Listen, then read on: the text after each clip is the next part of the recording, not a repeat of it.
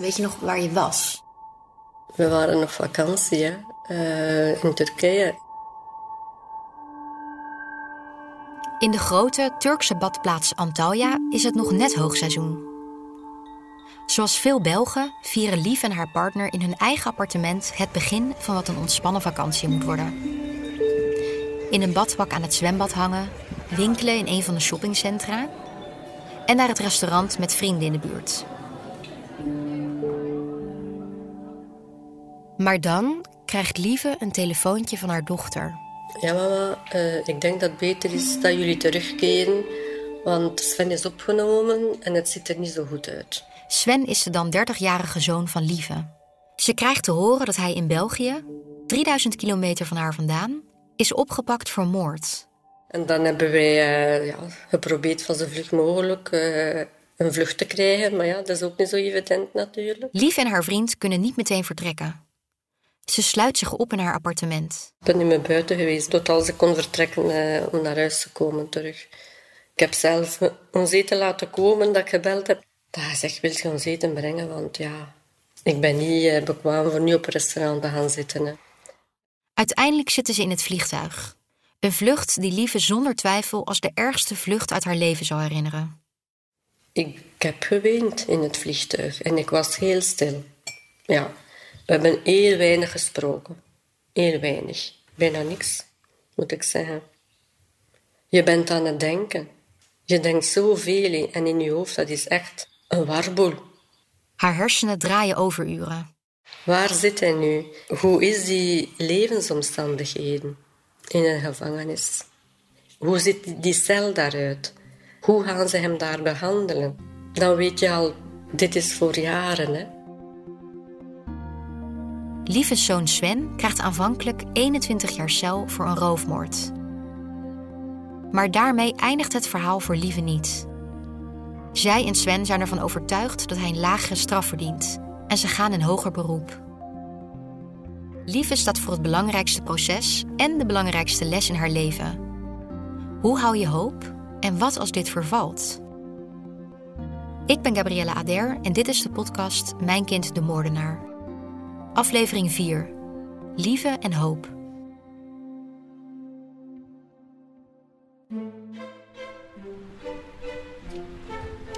Hi, hallo. Ik ontmoet Lieve op een frisse lentedag in de rij van een gevangenis. Waar ze haar zoon bezoekt en ik research doe. Het is maar frisjes buiten. Al een paar dagen later zit ik tegenover haar koffiekoeken te eten aan tafel. Waar geen pluisje te bespeuren is. Ja, in Gerardsbergen daar zijn het de matte taarten. Hè. De beste zijn in Gerardsbergen. Twee bordjes met een servet erop, een glas en bestek ernaast liggen onberispelijk symmetrisch. Lieve snijdt de koffiekoeken doormidden, zodat we van alles wat kunnen proeven. Want je kan ze hier niet zo kopen. Wat is dan typisch voor hier? De eclairs misschien. We houden een geanimeerd gesprek over de koffiekoeken. Onze middag begint wat onwennig, maar al snel wordt Lieve losser. Ja, moet zo liggen. Liggen? Ja. En dan moet ik mijn arm op en neer doen. Ja. Zo tien keren, links en rechts. Lieve strekt haar armen uit op de bank. Dan in de andere richting. Ze doet elke dag stretchoefeningen. Draaien door de knieën en even blijven houden. Je moet dat zelf eens doen. Hier, je voelt dat zo. Ik moet er ook aan geloven. Dus ik leun met één Ja, arm nu ja en nu in een losse, ontspannen beweging cirkels maken. Het is eigenlijk een beetje ochtendgymnastiek. Ja, ja. Maar dan drie keer per dag ochtendgymnastiek, in Lieves geval. Lieve heeft namelijk last van een frozen shoulder. Langs beide kanten. Nog zo ver kon ik mijn arm omhoog doen. Een frozen shoulder is een gewrichtsontsteking in je schouder, die dan zo stijf wordt dat het als frozen bevroren voelt. En ik kan niet meer bewegen. Hè. Dat is enorm, enorm veel pijn. Ja. Dat komt door het alsmaar krampachtig aanspannen van haar schouders. Door de Ja. stress. Ja, dat is puur, puur door de stress. En die stress zal voorlopig niet verminderen. Binnenkort start het hoger beroep van haar zoon. En tot die tijd gunt ze zichzelf nauwelijks rust. Laat staan een vakantie. Ze is slechts één keer in die jaren dat Sven vastzit naar Turkije teruggegaan. Als hij vrij is. Dan pas weer. Ja. Of ja, als de uitspraak eh, meevalt. Dan pas wil ze eindelijk weer eens terug naar haar huis in Turkije. Ja, Dan in september misschien. Ja, akkoord? Ja. ja, Oké. Dus je hebt Sven nog gesproken?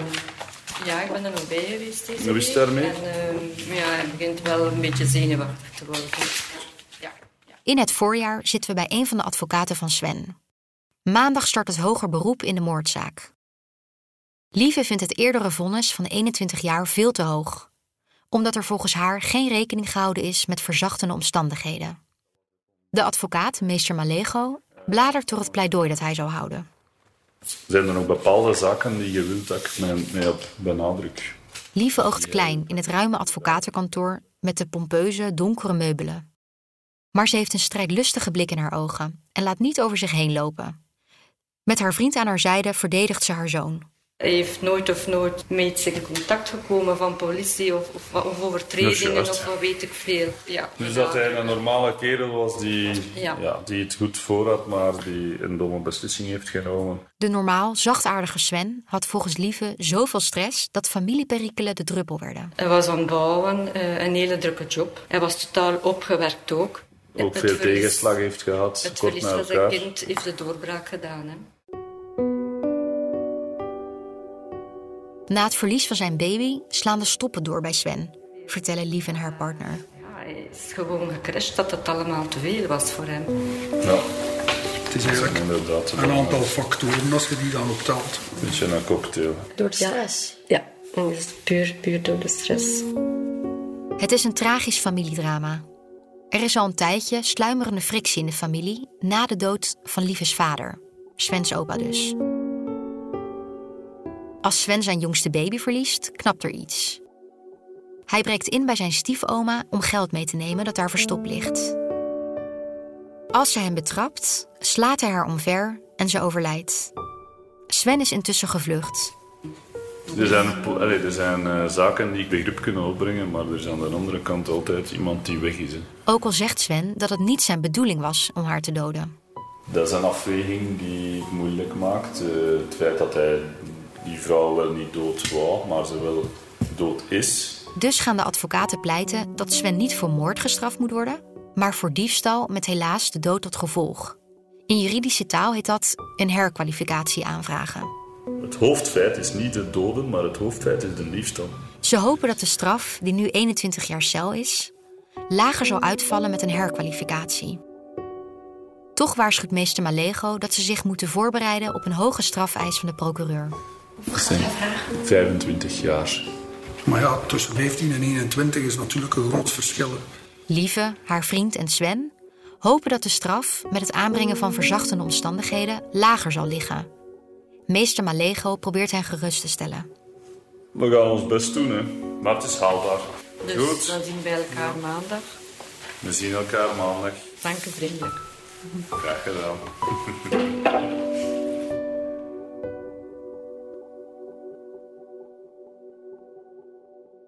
Advocaten zoeken, politie verhoren, gevangenis bezoeken.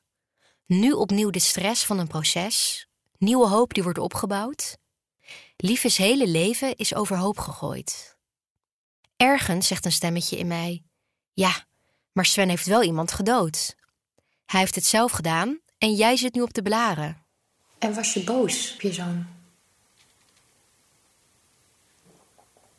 Nee, eigenlijk niet. Ik denk zo, hoe kan je boos zijn op iemand dat zo zwak is en dat zelf geen baas meer is over zijn lichaam? Zulke mensen, daar mag je niet boos op zijn. Zulke mensen moet je helpen en moet je de grootste zorgen geven en de begeleiding geven wat correct is eigenlijk. En dat gebeurde volgens Lieve niet in die 4,5 jaar dat Sven in de gevangenis van Dendermonde zit. Nee, daar word je ja, volgepropt met pillen. En dan zie je voor u een zombie zitten. Hè? Als het slecht gaat met Sven, krijgt hij geen goede psychologische begeleiding. Iets wat ook Sonja en Lut in de vorige afleveringen zeiden. En komen ze om het kwartier, dag en nacht, met een licht op u schijnen voor te zien of dat je nog leeft zeker, dat alles in orde is. En dat is het. En het klinkt banaal, maar het eten is ook niet om over naar huis te schrijven. Een bepaald soort vlees, meen ik dat het was, dat groen zag, hè? Dat ze het teruggegeven hebben. Hè? Hun patatjes, zwarte patatten, hè. Dus trekt Lieve de snoepautomaat leeg als ze Sven bezoekt. Die hebben zodanig grote honger. En dan staat er enkel een automaat. Ja, dan gaan ze drie keer een snoep gaan nemen. Hè. Die eerste jaren in de gevangenis van Dendermonde gaat ze elke dag naar Sven toe. Ik moest dat doen, want telkens moest ik hem daar terug naar boven trekken. Zeg, we moeten het doen voor de kinderen. Hoe zwaar en hoe moeilijk het ook is, de kinderen hebben maar één papa. En de kinderen gaan nog heel veel nodig hebben, ook als ze groot zijn.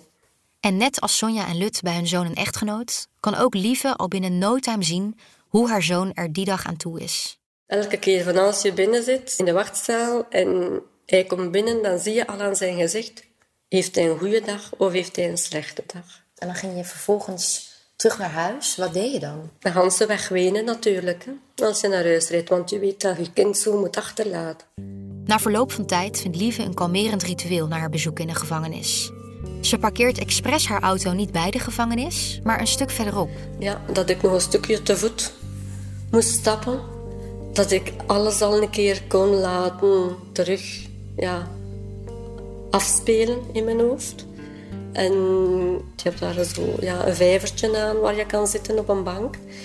Dat ik me daar even ging zitten. En ja, de ene keer was dat wenen, de andere keer was het gewoon voor u uitstaren en naar de eende kijken zo. En dat je dacht, maar mensen, waar zit ik nu? Waar zit ik nu? Wat is er ons nu toch overkomen? Maar je moet erdoor. Hè. Je hebt geen keuze. Maar Lieve durft haar zoon niet achter te laten in die periode om zelf even uit te blazen. Laat staan om naar haar appartement in Turkije te gaan. Ik kon het mij niet over mijn hart krijgen dat ik naar Hinder zou gaan. En hij zat hier dan alleen. En nee, ik zou te ongerust geweest gehad hebben.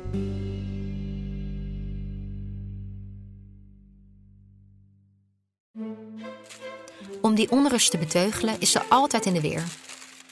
Als ik bij haar ben, heeft ze zich gestort op het naaien van nieuwe kleertjes voor de kinderen van Sven. Maar nu ga ik een gewoon blouseje maken met een plodinekraagje. Dus dit is Een blouseje. een blouseje voor je kleindochter. Ja, ja. Ze toont hoe ze de patronen tekent. Met vaste hand en zonder twijfel. Maar ligt het aan mij of is dit een heel klein ruggetje? Eh, Het is een half ruggetje. Gabriella. Je moet nog in de leer komen, hè. Ja. En zo blijft oma bezig, hè. En toch kan ze haar hoofd nu niet uitzetten door het naderende hoge beroep. En elke dag denk ik, wanneer gaan wij buiten komen? Ja, dat is de vraag van elke dag. Wanneer gaat die dag komen? En zie je, zo, ik ben aan het knaaien, maar toch terug dat ik afgeleid word. Hè. Toch terug ga ik daar naartoe. Naar mijn ja, bekommernis. Dag schat. Ah, Gabriella is nog altijd bij mij.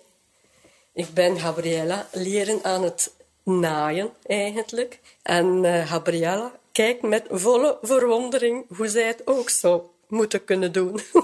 ja, dan geef ik haar een klein beetje uitleg daarbij natuurlijk. Hè. Voor wat. En... Ze leerde van haar vriend om vaker een boek te lezen. En dan zegt hij ook tegen mij, maar waarom lees je toch eens niet een boek? Dat helpt enorm om te ontspannen. En ik dacht in mijzelf, ontspannen, als je een boek leest, moet je het ook kunnen opslaan. En mijn hoofd zit al zo vol. Ze probeert het toch eens. Dit is mijn lievelingsboek. Ja, van eh, Gabriel Garcia Marquez. 100 jaar eenzaamheid. Een klassieker. Het is echt, ja, het is de max. Wat vind je er zo mooi aan? Ja, ehm, de kracht dat een mens heeft om door te gaan. Die vrouw dat beschreven wordt, Ursula. Ehm, ik zeg dikwijls tegen mijn vriend... Ik kan haar vergelijken met mij. Ja? Ja. Dus zij gaf ook nooit op. Zij was ook een doorzetter. Ja. En ook, ze bleef er maar voor gaan. En telkens kwam ze daar terug weer boven. Ja, ja, ja.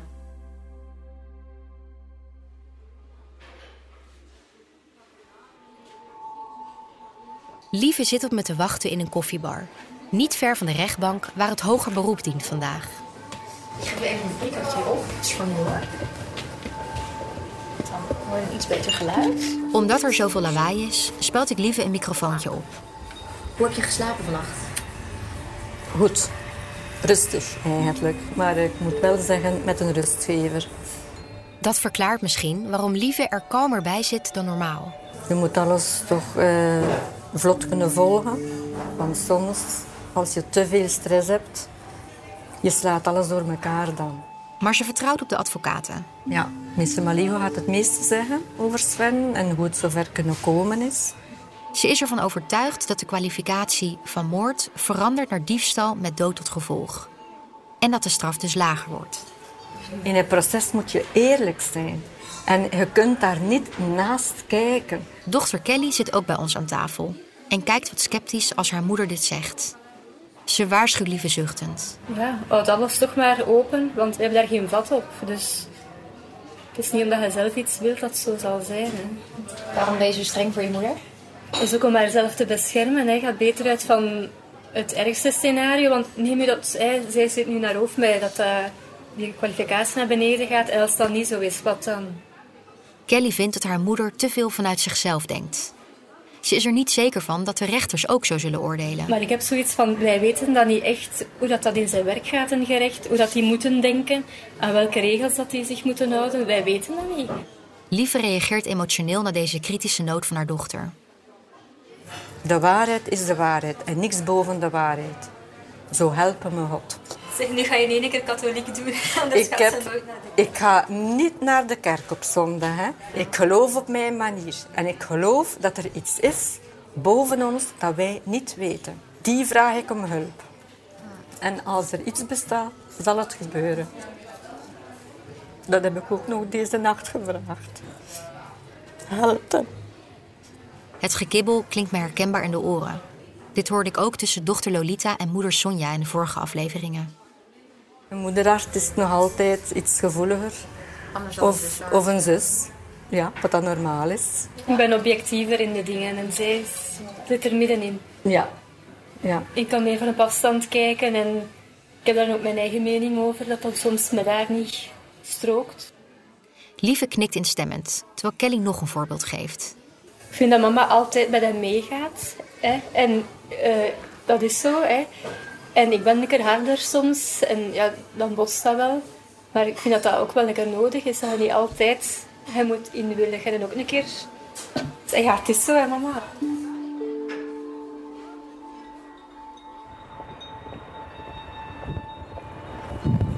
Eventjes naar rechts en dan uh, zijn wij aan de ingang.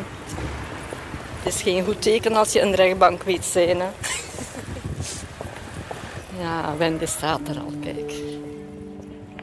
Wendy is een familiebegeleidster vanuit het CAW, het Centrum Algemeen Welzijn. Ze staat liever tijdens, voor en na het proces bij met mentale steun. Dus ja. Ik weet dat je stress hebt, maar Ja. je hebt er ook al heel lang naar, uh, naartoe geleefd naar deze dag. Dus, uh. Ja, ja. We lopen samen de marmeren trappen op van het gebouw. Als we aan de lange, houten tafel zitten, wrijft Lieve constant over haar handen. Het is de eerste keer dat ik het nerveuze trekje bij haar ontdek. Ze bespreken de slechte akoestiek van het gebouw, waardoor ze de zaak de vorige keer soms niet goed meekregen. Schrikkelijk, hè? ik begreep daar niets van. Hè? Zonder microfoons daar de eerste keren. Het is zo vermoeiend als je moet inspannen om te luisteren. Het is ook moeilijk, want je kan het heel moeilijk horen. Ja. En die praten zo snel. Ja, eraan zit, ja. We zijn dan nog altijd met z'n vieren. Ik vraag me net af of er nog een tegenpartij komt opdagen. En dan fluistert Kelly plots. Oh ja, hij is daar. Voilà, daar is hem dan. De broer van Lieve, die partij heeft gekozen voor de vermoorde stiefmoeder, negeert ons en gaat de rechtszaal binnen. We volgen hem niet lang daarna. We stappen aan de achterkant de opvallende, lange, smalle zaal binnen met hoge witte plafonds. Links en rechts staan er stoelen. Links, het vak van de slachtoffers, zit Lieves broer. Zelf kiest ze een van de rechterstoelen, direct achter de advocaten. Dochter Kelly en Wendy voegen zich bij haar. Na een paar minuten klinkt er wat geroezemoes. En wordt Sven binnengebracht tussen enkele politieagenten in uniform. Hij zoekt de blik van zijn moeder, knikt naar haar en maakt, voor zover het kan met handboeien, een gebaar om haar te groeten. Hij loopt helemaal naar voren en gaat voor zijn advocaten zitten. Wanneer de rechters de zaal betreden, staat iedereen op. Het gaat beginnen.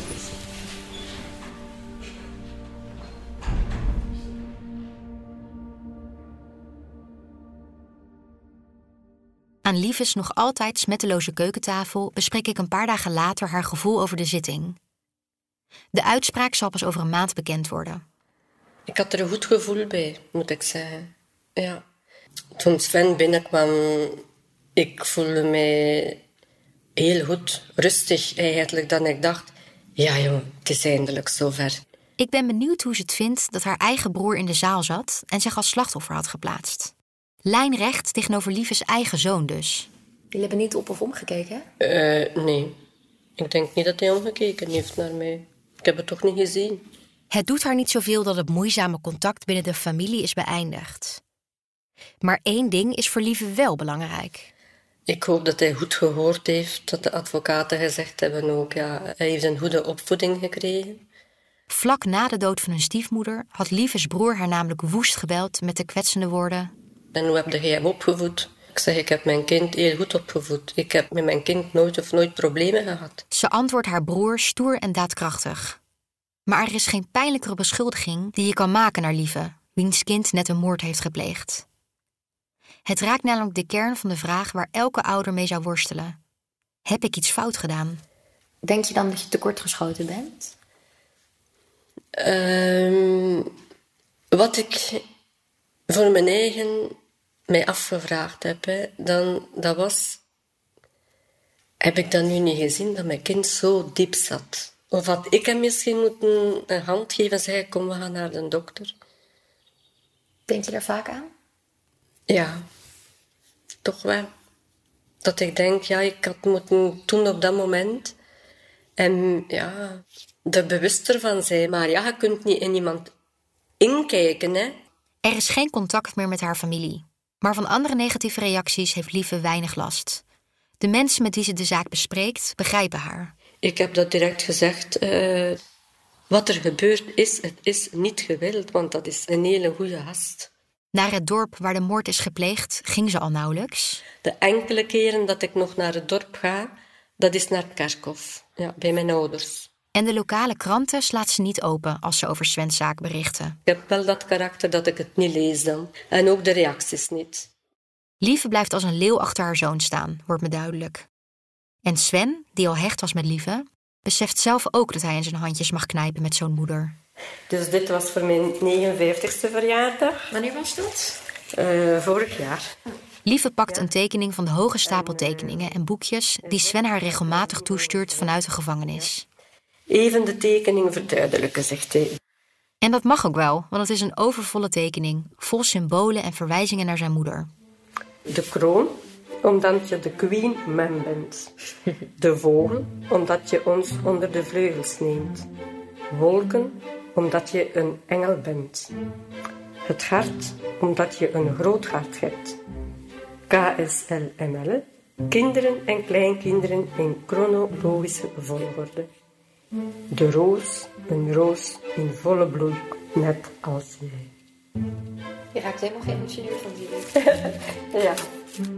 Ja.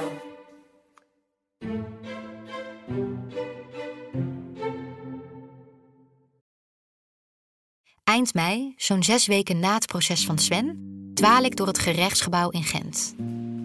Ik kom luisteren naar het vonnis van Svens zaak. Iets vragen? Ik loop naar de bode, die aan een tafeltje vol papieren voor de ingang van de rechtszaal zit. Hoe werkt dat precies? Krijgen we eerst uh, de vonnissen? Of ja, eerst is het vonnis. Het is maar één, je hebt geluk. Ah. Terwijl de bode me van alles uitlegt, zie ik Lieve met dochter Kelly en CAW-begeleidster Wendy de trap van het gerechtsgebouw oplopen. Ik loop even naar de familie. Is dat familie? Ik zie zoveel mensen dat ik niet. Uh... Lieve is duidelijk meer gespannen dan tijdens de vorige zitting. Je bent je duim op elkaar aan het drukken. Ja, dat is het. De stress, hè. Laat het er maar zo vlug mogelijk door zijn. Dat dacht ik al gisteren avond eigenlijk. Ja, morgenavond deze tijd is het erdoor, hè. weten wij het al.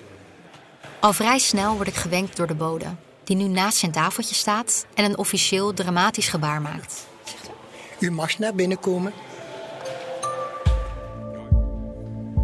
We lopen weer naar binnen en gaan op dezelfde plek zitten als zes weken daarvoor. De spanning is om te snijden als Sven rechtop voor de rechter moet staan.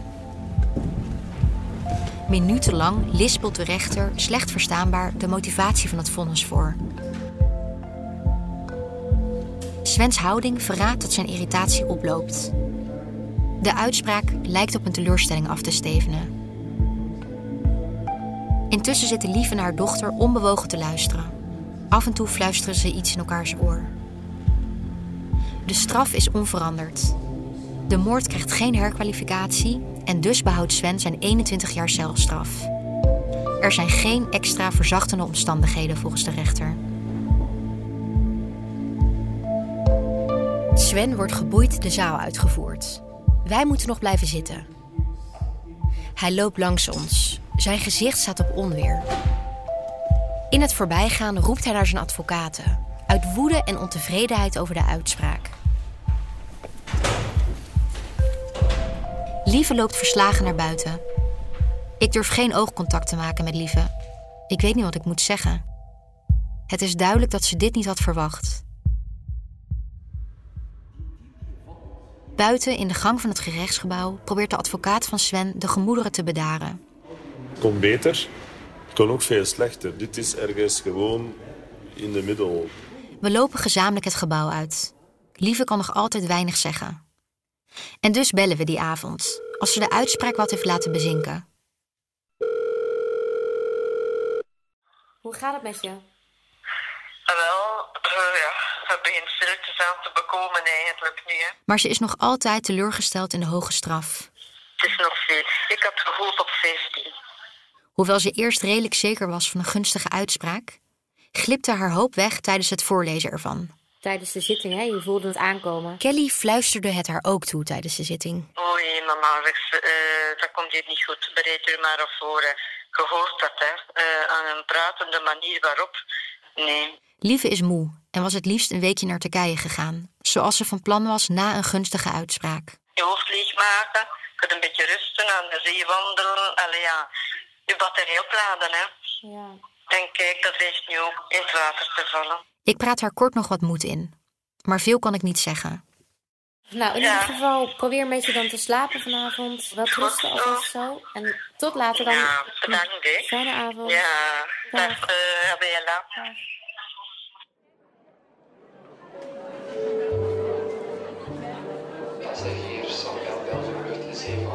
Drie weken na de uitspraak in Sven's zaak sta ik in de vertrekhal van Brussels Airport Zaventem. Dat zijn ook koffers. Ja, dank je voor de Jella. Lieve en een vriendin hebben een flinke verzameling koffers om zich heen. En hoe lang gaan jullie? Tien dagen. Tien dagen. Ze beschrijven de labels die ze vervolgens aan de koffers hangen. Hier, aantal jaar.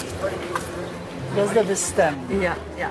Lieve leert haar vriendin in de rij voor de incheckbalie alvast wat Turkse woordjes om beleefd voor de dag te komen. Merhaba, goeiedag.